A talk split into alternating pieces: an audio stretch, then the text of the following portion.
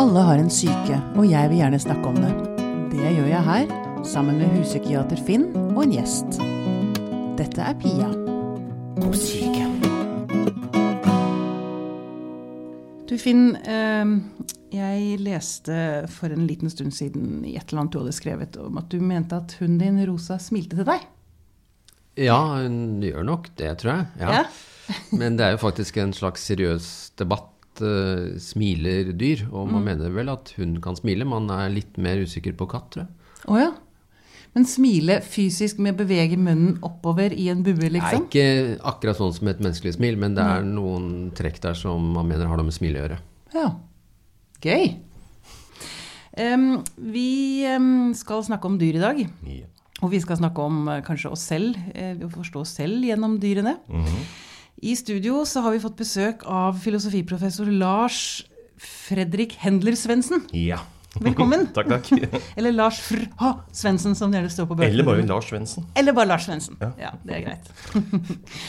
du, eh, da vi snakket sammen på telefonen, så sa du at nå, denne boken her, som du har skrevet, 'Å forstå dyr', det er, eh, du har endelig skrevet en bok bare i kjærlighet og glede. Ja. Jeg syns jeg hadde skrevet så mange bøker om eh, litt nedslående temaer. Ja, ondskap og Kjedsomhet og Kjedsomhet. frykt og ensomhet osv. Og, og så tenkte jeg at eh, nei, nå har jeg lyst til å skrive en feel good-bok om noe jeg alltid har lurt på. Ja, Ja, nettopp. Fordi jeg har jo hatt dyr hele livet. Og alle som har hatt dyr, har jo stilt seg selv spørsmålet er vi i stand til å forstå hva det er som foregår bak disse øynene. Så det vil jeg rett og slett eh, kaste et filosofisk blikk på, da. Ja. Og du har fokusert først og fremst på katter og hunder, som kanskje er de vanligste dyrene. Jeg valgte det. eh, Dels fordi det er det jeg har eh, erfaring med, først og fremst. Mm. Jeg har aldri helt skjønt spørsmålet liker du hunder eller katter. Jeg liker sjøl begge deler. Og og også fordi det er de dyrene som så å si er mest integrert i livene våre. Vi kan godt si at uh, sjimpanser står oss nærmere eh, evolusjonært og, og genetisk, men sjimpanselivet og menneskelivet de går ikke så godt sammen, mens hundelivet og menneskelivet de går ganske godt sammen. Ja, Og kattelivet. Ja, så som jeg påpeker, eh, hvis vi ser på antall fingre forskere som jobber med disse dyreartene har i behold, så finner man veldig ofte at sjimpanseforskere mangler eh, opptil flere fingre. Gjør det det? Mens eh, hunde- og katteforskere gjerne har fingrene sine i behold. Akkurat de er sinte, disse apene. De kan ta, ja. Ja. ja. Jeg må jo si, jeg har jo vokst opp også med mye dyr. Eh, både marsvin og kanin og katt og undulat og hund. Men jeg og jeg Altså, katt og marsvin, det er, det er ikke mye å hente der, altså. Nei, jeg mener mars, marsvin og kanin. Nei, eh, altså marsvin har jeg ikke så mye erfaring med. Kanin noe mer. Og, og der er De har en så, så begrenset ekspressivitet, ikke sant. De har f.eks. veldig lite smerteatferd. Og det kan jo være fortvilende for en kanineier som innser at uh, denne kaninen min må ha hatt det forferdelig vondt når noe avdekkes hos dyrlegen, men det er veldig vanskelig å se det. Oh, ja. Så de er mindre ekspressive. Katter de har jo en uh, ganske tydelig smerteatferd, men de har jo disse steinansiktene. Ja. Du kan lese litt ut av pupillene, du kan lese litt ut av ørebevegelser. Du kan selvfølgelig også lese mer tydelige tegn, som halen rett til værs og strittende pels og sånn, men de er på ingen måte så ekspressive som det, det hunder er. Og det er jo ikke så rart. altså Katten er jo ikke noe flokkdyr. Nettopp. Eh, den så har ikke noe behov for å kommunisere like mye, liksom? Nei, liten grunn til at den skulle ha utviklet de ekspressive kommunikative egenskapene som f.eks. hunder har utviklet. Mm, nettopp. Um, jeg, jeg har lyst til å begynne med et litt stort spørsmål til dere begge. Hva er bevissthet? Fordi vi må liksom definere det på en eller annen måte når vi skal snakke om hvor mye bevissthet har en hund og en katt eh, kontra et menneske. Altså bevisstheten Ja, jeg, jeg, jeg skal være stille, så kan dere få lov til å svare på spørsmålet. Skal du eller jeg gripe tak i denne, dette umulige spørsmålet? Nei, altså, Jeg tror filosofen skal supplere meg, men det er klart at eh, ja, vi vil jo gjerne si at de har bevissthet. Eh, det er mange måter å definere det på, men du ser jo at det er mye som foregår inni disse sinnene via deres kropper. Det er klart at Vi setter jo mennesket i en litt sånn spesiell sammenheng. For at eh, vi har jo ofte bevissthet om vår egen bevissthet. Altså ja. Som menneske så kan vi reflektere over våre refleksjoner. Altså Vi kan ha et forhold til oss selv. Dette er jo Nå, nå trår jeg inn i verden til Lars her. Altså, mm. Det er jo dette bl.a. Kirkegård skriver mye om. altså At selve er et forhold som forholder seg til seg selv. Ja, jeg kan tenke at i dag er jeg glad. Ja, og Der er jeg usikker på både bikkja mi og katta mi. Eh, men selvfølgelig, vi kan ikke frata den bevissthet. Og her dukker det også opp en del sånne etiske temaer som hoppsi, De har vel en visshet om smerte, f.eks. Og mm. Eh, jeg kaster den til Lars, jeg. Ja. ja, det er greit. Altså, bevissthet nei, det er jo forferdelig kinkig. Jeg er tilbøyelig til å si at nei, vi vet ikke hva bevissthet er. Mm. Eh, men det betyr ikke at vi ikke kan nærme oss fenomenet, for vi har likevel en, en, en viss hunch. Og med bevissthet så må vi i hvert fall mene at det er noen som registrerer noe, opplever noe, at noe tas inn. Altså, det er forskjell på en hund og en stein, f.eks. Altså, den steinen forholder seg jo ikke til noe som helst. Når filosofer snakker om bevissthet, så snakker de ofte om det litt som en sånn all or nothing-sak. Altså Enten så har du bevissthet, eller så har du det ikke. Men det er jo merkelig, også i et sånt evolusjonsperspektiv, at plutselig en dag så skulle det komme en fullt ut eh, utviklet bevissthet på banen uten egentlig noen forstadier. Så jeg syns det er mer rimelig å se på bevissthet som noe som kommer i, i grader. Mm. Uh, hvor uh, de aller, altså de mest primitive skapningene Der kan vi neppe snakke om noen bevissthet. Altså amøber har ingen bevissthet. Mm. Men gjennom evolusjonshistorien så altså begynte da dette fenomenet å vokse frem. At du får vesener som kan registrere noe. Og i utgangspunktet altså registrere lys, sånn at man beveger seg altså Jeg nevnte selvbevegelse ut, ut fra det. altså Enkle fotoreseptorer og sånn. Eh, men også smerte. Eh, men så kommer en sånn teknisk sak, da. Altså selv om man påføres en smerte og har en atferd hvor man forsøker å unngå det som forårsaker smerten, så betyr ikke det nødvendigvis at man opplever smerte. Man kan se for seg at det kommer stimuli inn, og at de da tas opp i en eller annen type bevissthet og forårsaker at f.eks. dyret flytter på seg eller skjuler den skadede kroppsdelen eller noe sånt, men uten at dette dyret har en opplevelse av at dette gjør vondt, dette er ubehagelig osv. Så, videre. så filosofer skiller da noen ganger mellom adgangsbevissthet ja. og opplevelsesbevissthet. Mm. Og det er jo og det er vanskelig for oss egentlig å forestille oss helt dette skillet, fordi vi har så til de grader opplevelsesbevissthet. Vi opplever smerten. ikke sant? Smerte er noe vi først og fremst forstår på, på den måten. Men vi kan tenke oss at en, en krabbe f.eks. ikke har de nevrologiske forutsetningene for å føle for å ha en opplevelsesbevissthet. At den flytter seg unna det som forårsaker en skade, f.eks., men at den ikke opplever at det gjør vondt.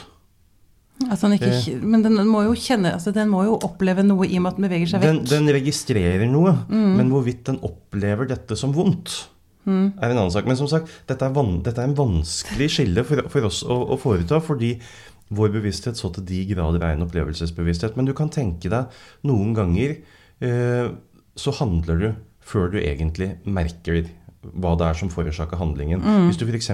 legger hånden ned på en varm kokeplate, så har du trukket til deg hånden før du er deg bevisst at før gjør, gjør, har skjønt før, du har opplevd mm. at det gjør vondt. Så mm. kjenner du at det gjør vondt. Mm. Så, så, kanskje noe sånt. Men eh, så, så, Og etisk sett så er vel kanskje da det store spørsmålet hva, hvilke dyr har opplevelsesbevissthet? Og da vil jeg si vi må i hvert fall ta med alle pattedyr. -hmm. Vi må ta med en god del fugler. Vi må i hvert fall ta med noen eh, blekksprutarter. Mm. Og, så, så, det er en god del dyr som har en såpass utviklet eh, bevissthet at vi må, ta, vi, vi, vi må ta hensyn til dem i de etiske regnskapene våre på en bedre måte enn hva vi har gjort eh, så langt. Ja, Du mener at vi ikke er, tar godt nok vare, eller er hensynsfulle nok mot dyrene? Eh, det er vel eh, ingen overdrivelse å, å, å si det. Nå, nå, vi, nå, snakker vi om sånne dyr som blir slaktet, og kyllingfarmer og sånn, ja, eller tenker altså, du? Altså, jeg, jeg mener jo det er, at det er ikke nødvendigvis slik at dyr har retten til liv. For at hva som gir retten til liv, er, er, et komplisert spørsmål. Um, men at dyr som har en evne til å oppleve smerte, oppleve frustrasjoner osv. Mm. Uh, at det er relevante faktorer uh, når vi skal ta stilling til hvordan kan vi forsvare og behandle dem, og at store deler av moderne matproduksjon ikke lever opp til ganske rimelige krav, Nei. skulle være ganske greit å, å, å belegge, mm. jeg. Mm. Så jeg mener ikke at vi nødvendigvis gjør noe galt hvis vi tar livet av et dyr som, som lever i det fri, og, og bruker det til mat. Mm. Eh, men å la det, livet, la det, dyret leve et liv som egentlig ikke er levelig, mm. det er ikke greit. Mm. Men det er rart hvordan vi i hvert fall jeg skal snakke for meg selv, men hvordan man klarer å lukke øynene for det og kjøpe kjøtt og kylling og biff og vi, Jeg vet jo. Ja. Men jeg klarer, i butikken så klarer jeg å lukke det vekk. Vi er veldig gode til å dele opp tilværelsen vår i distinkte bokser. Ikke sant. Ja. ja ok. Um, det er så vondt å snakke om at jeg har tenkt å bevege meg videre. Mm. La oss snakke om katter og hunder som alle vi tre her har et forhold til. Jeg har uh, bare hund. Dere har begge to både hund og katt. Mm. Så dere er jo eksperter begge på Ja. Jeg har lyst til å snakke litt om forskjellene og likhetene på hunder og katter. Mm. Finn, har du lyst til å begynne, du som ja, Du har hatt hund og katt alltid, du, eller? Ikke alltid, på ingen måte. Nei. Men nei, Lars sa vel noe om at han forstår ikke spørsmålet liker du ene eller bedre enn den andre. Mm. Altså, Agna Mykle har jo gjort dette ordentlig.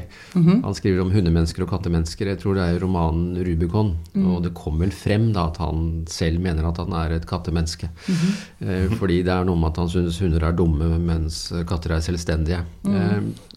Jeg ser jo at de er jo forskjellige på mange måter. Altså Hunden er domestisert, som vi sier. Altså den eh, er en del av vårt uh, hushold. Og jeg vokste opp med en gjeterhund, bl.a. Altså en skotsk fårhund. Mm. Og jeg opplevde jo å bli gjetet som barn. og det må jeg innrømme at jeg samlet, samlet deg inn? Ja, jeg satte utrolig stor pris på å bli gjetet. Mm. Um, og så møter man jo liksom kattens angivelige selvstendighet. Det som er morsomt hjemme hos oss, syns jeg, det er jo at uh, hund og katt lever ganske tett sammen. Uh, og de lærer av hverandre. Så ah.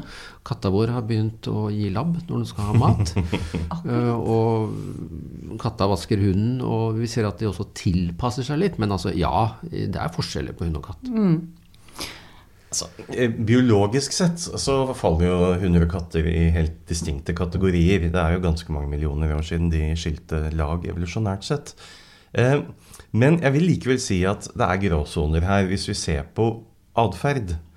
Altså, noen katter oppfører seg jo utvilsomt mer hundeaktig. Eh, sånn som burmeserne mine, Lasse og Geir.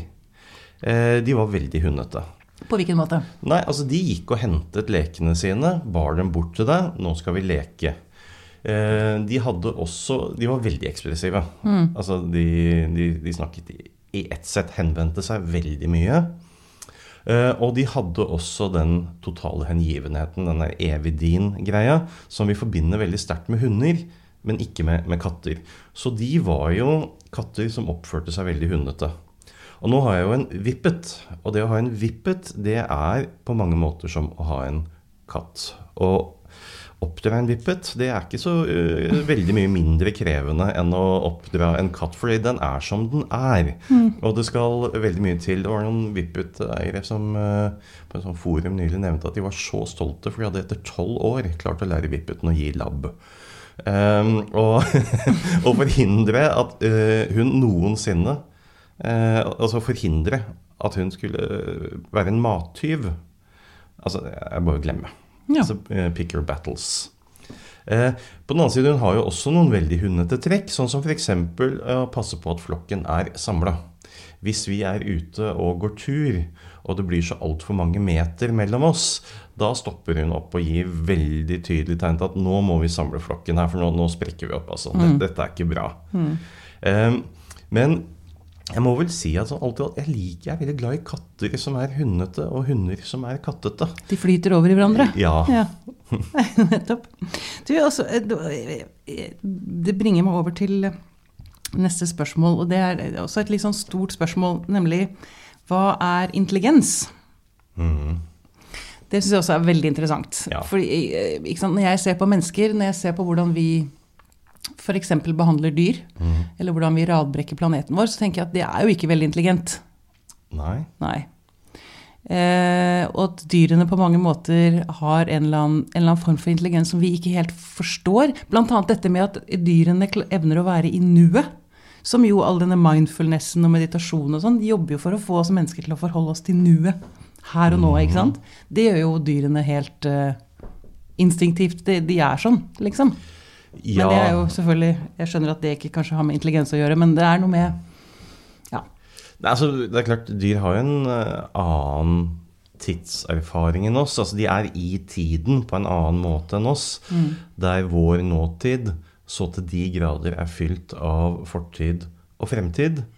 Eh, så lever dyrene i en, i en mye mer skarpt avgrenset uh, nåtid. Skjønt, uh, det har nok vært en tendens til å overdrive det også. Det er helt klart at dyr trekker jo veksler på eh, tidligere erfaringer. De legger også noe planer for fremtiden. Altså. ja, gjør de det? Hvordan det? Nei, altså Én ting er selvfølgelig dyr som samler inn Ja, som- eh, nøtter til vinteren osv., mm, men, men et veldig morsomt eksempel som jeg skriver en del med boken min, det er jo um, sjimpansen Santino i dyreparken Furuvik i Sverige. Og han hadde det til felles med veldig mange andre sjimpanser i fangenskap at han hatet de besøkende dypt og inderlig. Så det han gjorde da det kom besøkende til den dyreparken, var jo å bombardere dem med steiner. Og for å få ekstra god ammunisjon så begynte han også å bryte løs deler av betongen i innhegningen, og brukte også dette som prosjektiler. Det var selvsagt lite ønskelig sett fra dyreparkens side, så de begynte jo å rappe steinene hans og samle dem inn før han ble sluppet ut på morgenen.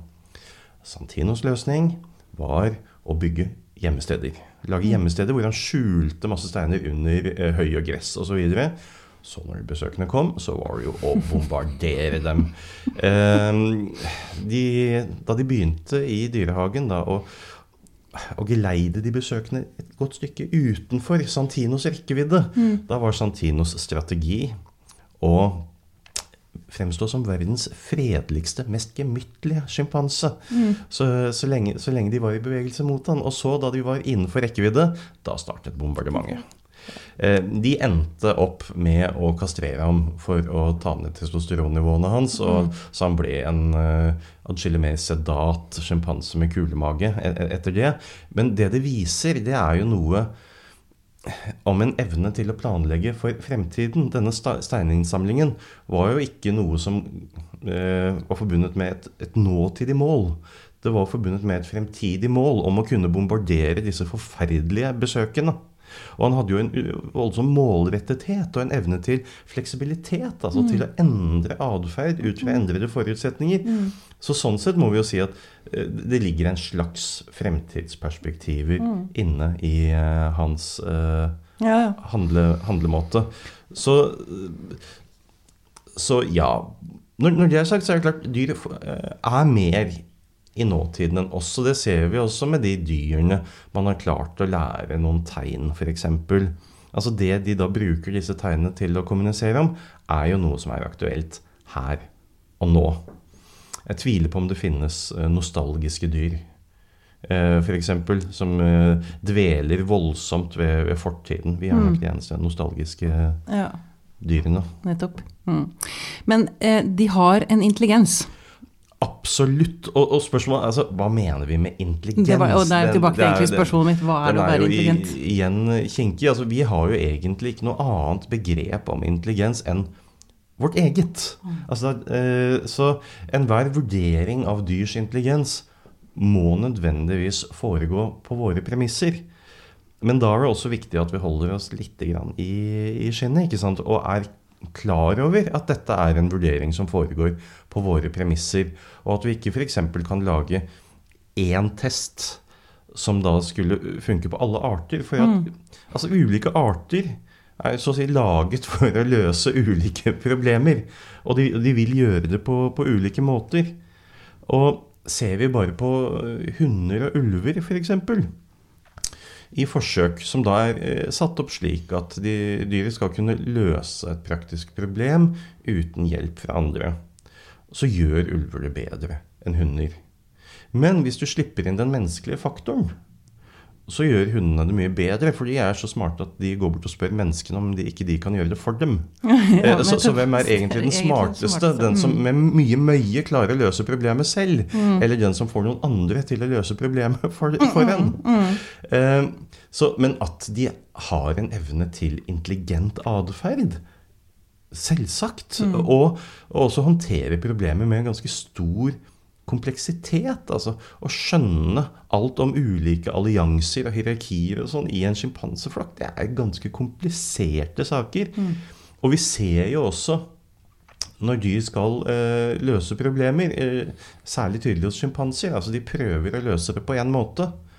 Og så er det ikke slik at de fortsetter frenetisk å gjøre det på 100 ulike måter, men altså det er å trekke seg tilbake, sitte der, og du ser i grunnen at de grubler. Mm. Og så, i enkelte tilfeller i hvert fall, går de bort igjen, og så gjør de det på riktig måte. Mm. Altså, Det virker veldig rimelig å si at her har det foregått en tankeprosess i praktisk problemløsning mm. mellom de to forsøkene. Altså. Ja, nettopp. Du skrev også at eh, mine kjæledyr har nok vært flinkere til å dressere meg enn jeg har vært til å dressere dem. Absolutt. Jeg bare tenker på Hunden min er jo en mester i å få meg til å gjøre det han vil de er, de, er, de er, veldig, veldig gode til det.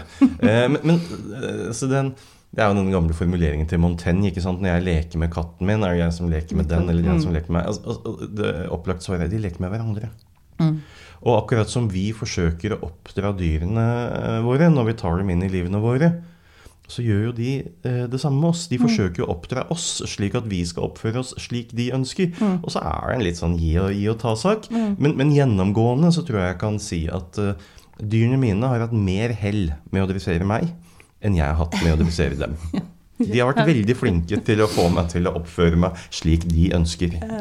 Men så er det dette da med som så fint heter å bli domestisert. Altså at uh, hunden har vi jo hatt i ganske, ganske mange år. Uh, og hvis vi går til å se på noen uh, forskningsprosjekter, et japansk som jeg nå husker, eh, hvor eh, hundeeier og hund ser på hverandre eh, i øya, altså blikkontakt, så kan man faktisk både hos hunden og hos hundeeier måle økning av det vi kaller oksytocin, som vi gjerne kaller kjærlighetshormon eller mm. tilknytningshormon. Altså begge får bonus. Mm. Så har disse japanerne gjort noe tilsvarende på ulver eh, som er i fangenskap, og ulvepasseren. Og der er det null. Nei. Så der er det ikke noe oksytocin. Nei, eh, så det er nok noe med at vi har også lært oss til å være sammen, og som Lars sier, lært oss til å leke med hverandre. Altså ja. bikkja di og du, når dere ser på hverandre, så har dere det bra. Hadde det vært eh, at du hadde hatt en tam ulv, så hadde det antakeligvis ikke vært bra. Fordi vi har brukt noen titusener år på å utvikle dette båndet. Altså det er et bånd. Det var ikke økning i oksytocin i hjernen til ulvepasseren heller? Nei. Nei. Så rart. Vil da merke japanske. Men altså, det sier jo noe om at uh, evolusjonen har jo gjort at uh, hunden er jo ikke et tilfeldig dyr. Den er jo en del av vår flokk også. Ikke sant? Ja, kan det nevnes, altså, også hos katter så vil du finne en økning i oksytocinnivå når den ser på eieren, men det er ikke i nærheten av de nivåene vi finner hos hunder. Nei. Så vi kan si at hunden din blir mye mer glad for å se deg enn det katten din blir. Ja. Og da blir jo vi mye mer glad. Ja. ja. Så det er de, de, de, gjensidig økning her, liksom? Ja. ja nettopp. Du, um, dette med um, ensomhet og sorg. Mm. Det skriver du også om mm. i mhm. boken. Føler de det? Jeg tror vi kan si det. Det var faktisk den, den første delen av boken som ble, som ble, skrevet.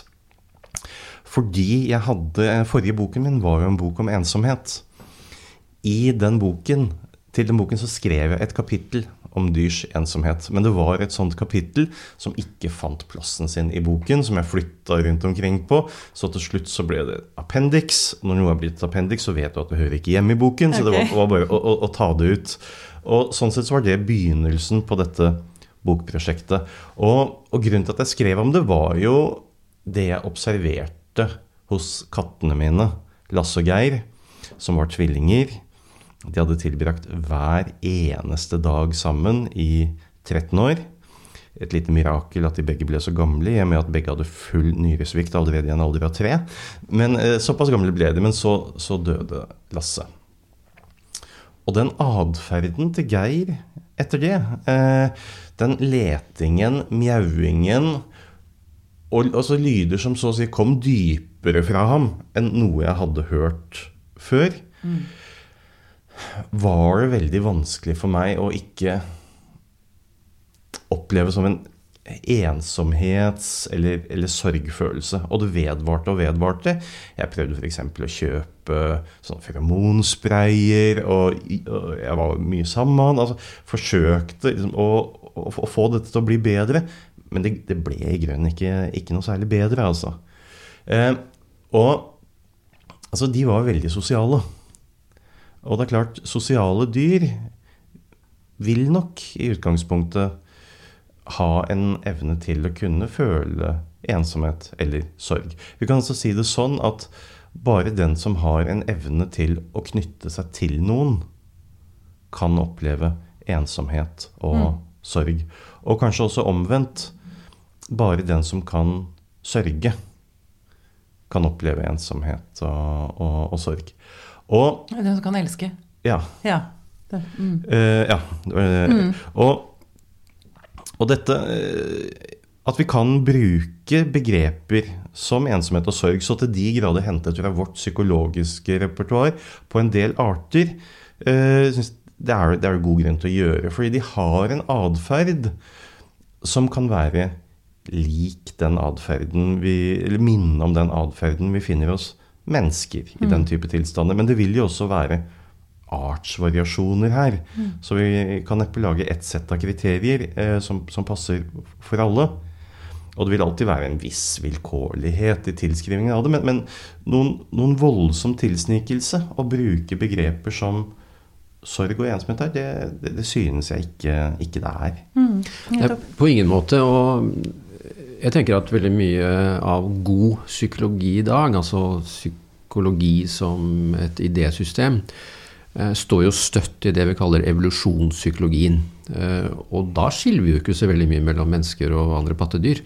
Vi snakker om at eh, vi fødes med noen primære følelsessystemer. Mm -hmm. Type lyst, type glede, type sorg, type nysgjerrighet, seeking, kaller vi det. Type aggresjon, som også er knytta til noe positivt. Det betyr det å jakte. Mm. Eh, og her er det jo ganske likt mellom mennesker og dyr at vi fødes med mange av de samme systemene. Eh, og ikke minst at ethvert pattedyr er jo dømt til tilknytning. Altså blir vi ikke knytta til på et eller annet vis, så truer det overlevelse. Mm. For mennesker så truer det mer enn overlevelse òg. Altså hvis vi får en trygg tilknytning, så stimulerer det vår evne til å reflektere, til empati osv. Men eh, det er nok litt viktig å ikke skille for mye mellom eh, mennesker og andre pattedyr. Det er viktig å ikke skille? Ja. ja så bra. Det, det liker jeg. Mm. jeg vet ikke helt hvorfor, men jeg liker det. Um, du, jeg har bare lyst til å um, Eh, det, jeg mener at min Eller du snakket om det å rødme. Det er et klassisk menneskelig trekk, liksom. Mm. Mm. Men jeg mener bestemt at min hund blir flau når han promper. Da mm. går han sin vei. jeg har lyst til å si at han rødmer. Mm. Men det, er, det går ikke, det, altså. Nei, altså Flauhet her eh, Altså, jeg har jo i og for seg også sett øh, dyrene mine f.eks. mislykkes i et eller annet. De prøver å hoppe et sted og, og bommer, og det, det hele blir, blir, en fadese. Og du så liksom forsøker å rusle av gårde som om ingenting har skjedd. Uh, uh, men flauhet Nei, det er kanskje En type, type, bevissthet om hvordan man burde gjort det. Jeg tror i hvert fall ikke, sånn som når folk tillegger eh, kjæledyret sitt, særlig da hunden, en, en skamfølelse. Mm. Det tror jeg du bare kan glemme. Ja, eh, det forutsetter en bevissthet om om riktig og galt. Det forutsetter så å si at man har spist av kunnskapens tre. Mm. Og det, det, det, har de nok ikke. Og, og, her har man gjort noen, noen forsøk også. Eh, hvor man har eh, Altså hvor du har da en, et, et, dyr som da har, har, gjort noe galt, og man har jo en viss reaksjon. Eh, men så går man altså inn i rommet og oppfører seg på nøyaktig samme måte som man ville ha gjort hvis dyret hadde gjort noe galt. Og reaksjonen hos dyret er jo nøyaktig den samme. Mm. Så det dyret eh, gjør, det er nok ikke å operere ut fra en bevissthet om at 'jeg har gjort noe galt', men reagerer på din misnøye. Ja, ja. Vi har det vel med å tillegge disse dyrene egenskaper også som Ja, fordi vi syns det er gøy. Ja, men, ja, men, det er litt sånn Disney Ja, men vi kan jo ikke forstå dem på Nei. annen måte enn ved å trekke veksler på våre psykologiske mm. kategorier. Og det er jo en hovedpoeng i denne boken, at det er bruken av såkalte antropomorfismer altså gi noe en menneskelig form, eller gi noe et menneskelig ansikt, mm. eh, var ganske mye av en dødssynd i store deler av forrige århundres biologi. Okay. Eh, så vil jeg si at det er jo bare gjennom bruk av den type antropomorfisme, gjennom våre psykologiske begreper, at vi overhodet kan forstå dyr. Mm. Uten det så sitter vi med en mengde litt sånn løsrevne atferdstrekk og, og bevegelser osv. Uten, uten noe sammenheng. Mm. Uten noe, noe, mening. Så det, jeg mener det er fullstendig legitimt å bruke antropomorfismer i, i, vårt forsøk på å forstå dyrene. Men det skader heller ikke å ha litt biologi i lomma, sånn at vi holder disse antropomorfismene i sjakk. For det løper veldig fort løpsk, hvor vi tillegger dem all verdens raffinerte egenskaper som det ikke er grunn for å, å, å tillegge dem. Og da ender, kan vi også lett ende opp med sånn som de nokså absurde dyrerettssakene som vi særlig fant i, i renessansen. Det begynner i seinmiddelalderen, men det er eksempler helt tilbake til begynnelsen av forrige århundre. Altså hvor man stilte dyr for retten på samme måte som mennesker. En veldig kjent rettssak eh, er fra den franske byen Savigny i 1457, hvor en purke og de seks grisungene hennes ble stilt for retten, tiltalt for å ha myrdet et menneskebarn eh, med overlegg og på skjendig vis, som det het i tiltalen. Og som var vanlig rettspraksis så fikk de oppnevnt advokat. De fikk en veldig kjent og dyktig advokat. Det er noe av grunnen til at vi kjenner dette caset veldig godt. Og han gjorde en god jobb. Mm. Han klarte ikke å redde purka. Purka måtte bøte med livet. Mm. Eh, men han, han, klarte å få frikjent de seks grisungene med henvisning til deres unge alder, og at moren hadde hatt så uheldig innflytelse på dem. Og det gikk ofte dårlig med griser i den type rettssaker, fordi de grynta høyt i rettssalen og rettet seg ikke etter, do, etter dommerens formaninger. Og, og, og, og, når vi ler av dette, så er det selvfølgelig fordi dette er en, et kategorimistak. ikke? Mm. Dette er en antropomorfisme som har løpt fullstendig løpsk. Hvor man tillegger da disse grisene en evne til å være moralske aktører, slik vi er. Mm. Noe de jo ikke, ikke, har. Verden har utviklet seg i riktig retning på noen områder, i hvert fall. Ja. Det kan vi si. du, nå mot slutten så har jeg lyst til å bare eh, snakke litt om fellesskapet og vennskapet. Mm vi har med disse dyra våre. Mm. Og da har jeg lyst til å begynne med Finn. Um, dyr kan gi deg noe som egentlig mennesker ikke alltid klarer. En sånn ubetinget uh, kjærlighet. Ja, jeg tror at uh, hvis vi da forholder oss til blikk, f.eks., og gjerne med hunden, fordi at uh, jeg tror noe av det som gjør at hunder og mennesker jeg, blir veldig glad i hverandre, er jo at begge er jo dømt til avhengighet. Mm. Vi er jo helt avhengige eh, av hverandre, og bikkja viser det ganske tydelig. Mm. Det er nesten så vi kan bli litt fornærmet over den selvstendige katten av og til. Eh, men hvis vi ser på blikk, så Det er jo lett å romantisere dyr. Eh, nettopp fordi vi tenker at de er ikke utspekulerte, og de ljuger ikke så mye, osv. Men vi kan jo oppleve f.eks. å bli sett på av en hund, og oppleve at den ser på oss med et ikke-evaluerende blikk. Ja. Altså, vi kan oppleve at uh, andre mennesker ser på oss med et sleipt blikk, med et beregnende blikk, med et kritisk blikk, med et fordømmende blikk. Mens bikkja kan oppleves da. At den, liksom, den, er ikke så veldig evaluerende. Og det tror jeg er også noe som kan åpne for si, disse gode båndene. Altså at man føler seg ikke nødvendigvis kritisert. Mm. Man skammer seg ikke så mye med bikkja si. Eh, fordi den påfører deg ikke så mye skam, stort sett. Nei, nettopp. Eh, Jacques Derrida, den franske filosofen, har en sånn veldig forunderlig passasje i en bok hvor han forteller om en morgen da han sto naken på badet. Så satt katten der og stirret på ham på hans nakne kropp, og dette blikket fra katten fylte av med en enorm skam, skriver han. Det er jo helt absurd. Det har aldri falt meg inn å føle antydning til skam ved å bli betraktet av verken hundene eller kattene mine, men det er likevel et poeng der, nemlig at blikket til dyret, både hunden og katten, inneholder jo en slags henvendelse. Ikke sant? Mm -hmm. eh, en henvendelse som også krever noe av oss tilbake.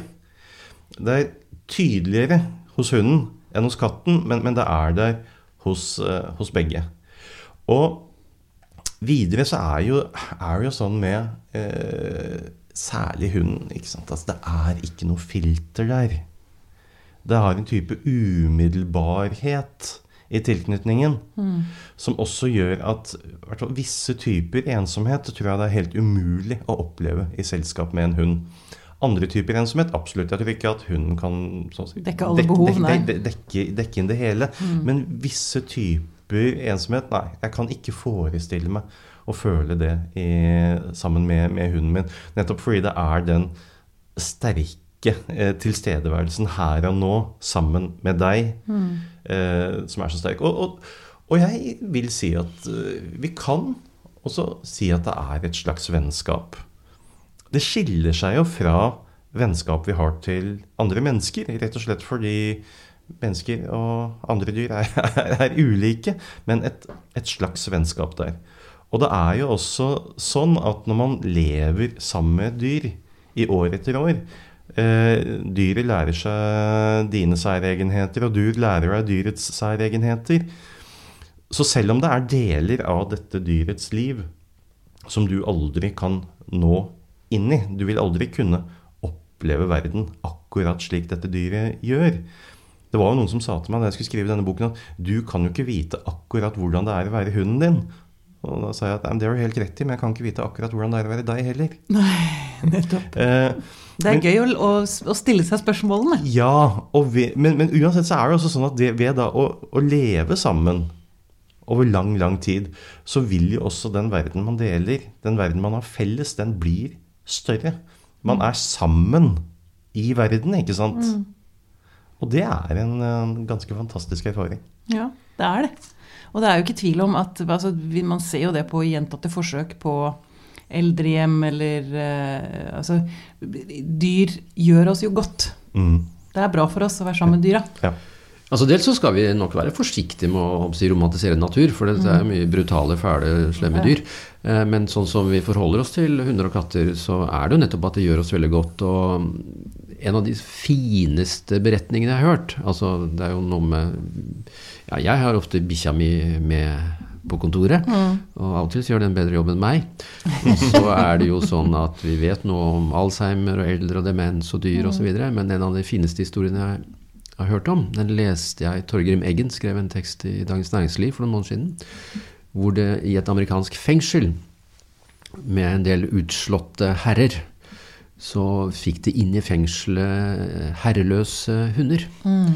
Eh, og hvordan dette faktisk, da, ifølge denne artikkelen, liksom, fikk konsekvenser for hele rehabiliteringen. Altså de her de, Disse kriminelle mennene de tok seg av herreløse hunder og oppdro dem. Og på en mm. måte så oppdro man jo seg selv, da. Mm. En veldig fin historie. Mm, vakkert. Ja, vi er eh, for dyr. Og ja, du skriver mot slutten, Lars, dette hvis man har en rolig åpenhet for dyr, så følger forståelse. Altså dette med å ikke presse seg på dyret, men la dyret vise seg frem ja. for deg. Altså, eh, ja, og det var, det var, moren min som fortalte meg det. Altså, jeg dedikerte også denne boken til moren min, som eh, døde i, eh, døde i fjor høst. Og hun hadde en helt fantastisk kontakt med dyr. Mm. Altså, hun var en sånn dyremagnet. Uh, og der er det jo menneskelige variasjoner. Hjemme hos oss var det sånn Moren min og jeg vi var veldig knyttet til dyr. Faren min og broren min ikke så veldig. Mm. Sånn var det. Og da moren min så skulle fortelle meg hvordan jeg skulle forholde meg til disse dyrene. Jeg var bitte liten, og vi fikk den første katten vår, så var det bare sånn Jo, men du må, du må bare ta det med ro. Du må ikke presse deg på her sånn. Du må la dyret få nærme seg deg. Du må så å si la dyret få komme deg i møte, fortelle hvem det er. Og hvis du bare gjør det, så skjønner du også hvordan dette dyret her sånn fungerer. Ikke sant? Og da får man en eller annen sånn forståelse som man kanskje nesten ikke klarer å sette ord på engang. Ja, det er jo Mesteparten av den forståelsen vi har av dyr, er jo såkalt taus kunnskap, som vi ikke kan artikulere. Forskjellen i tonen på ulike mjau eller ulike bjeff osv. Alt dette vi, vi griper umiddelbart, men hvis noen ber deg skrive ned på et ark eh, hvordan dette er, så vil du ikke eh, være i nærheten av å klare det. Nei. Og det, der, det gir en rikdom til livet, altså den tause kunnskapen der. Det er eh, Absolutt. veldig fint. Lars Svendsen, tusen takk for at du kom til oss. Tusen takk for meg.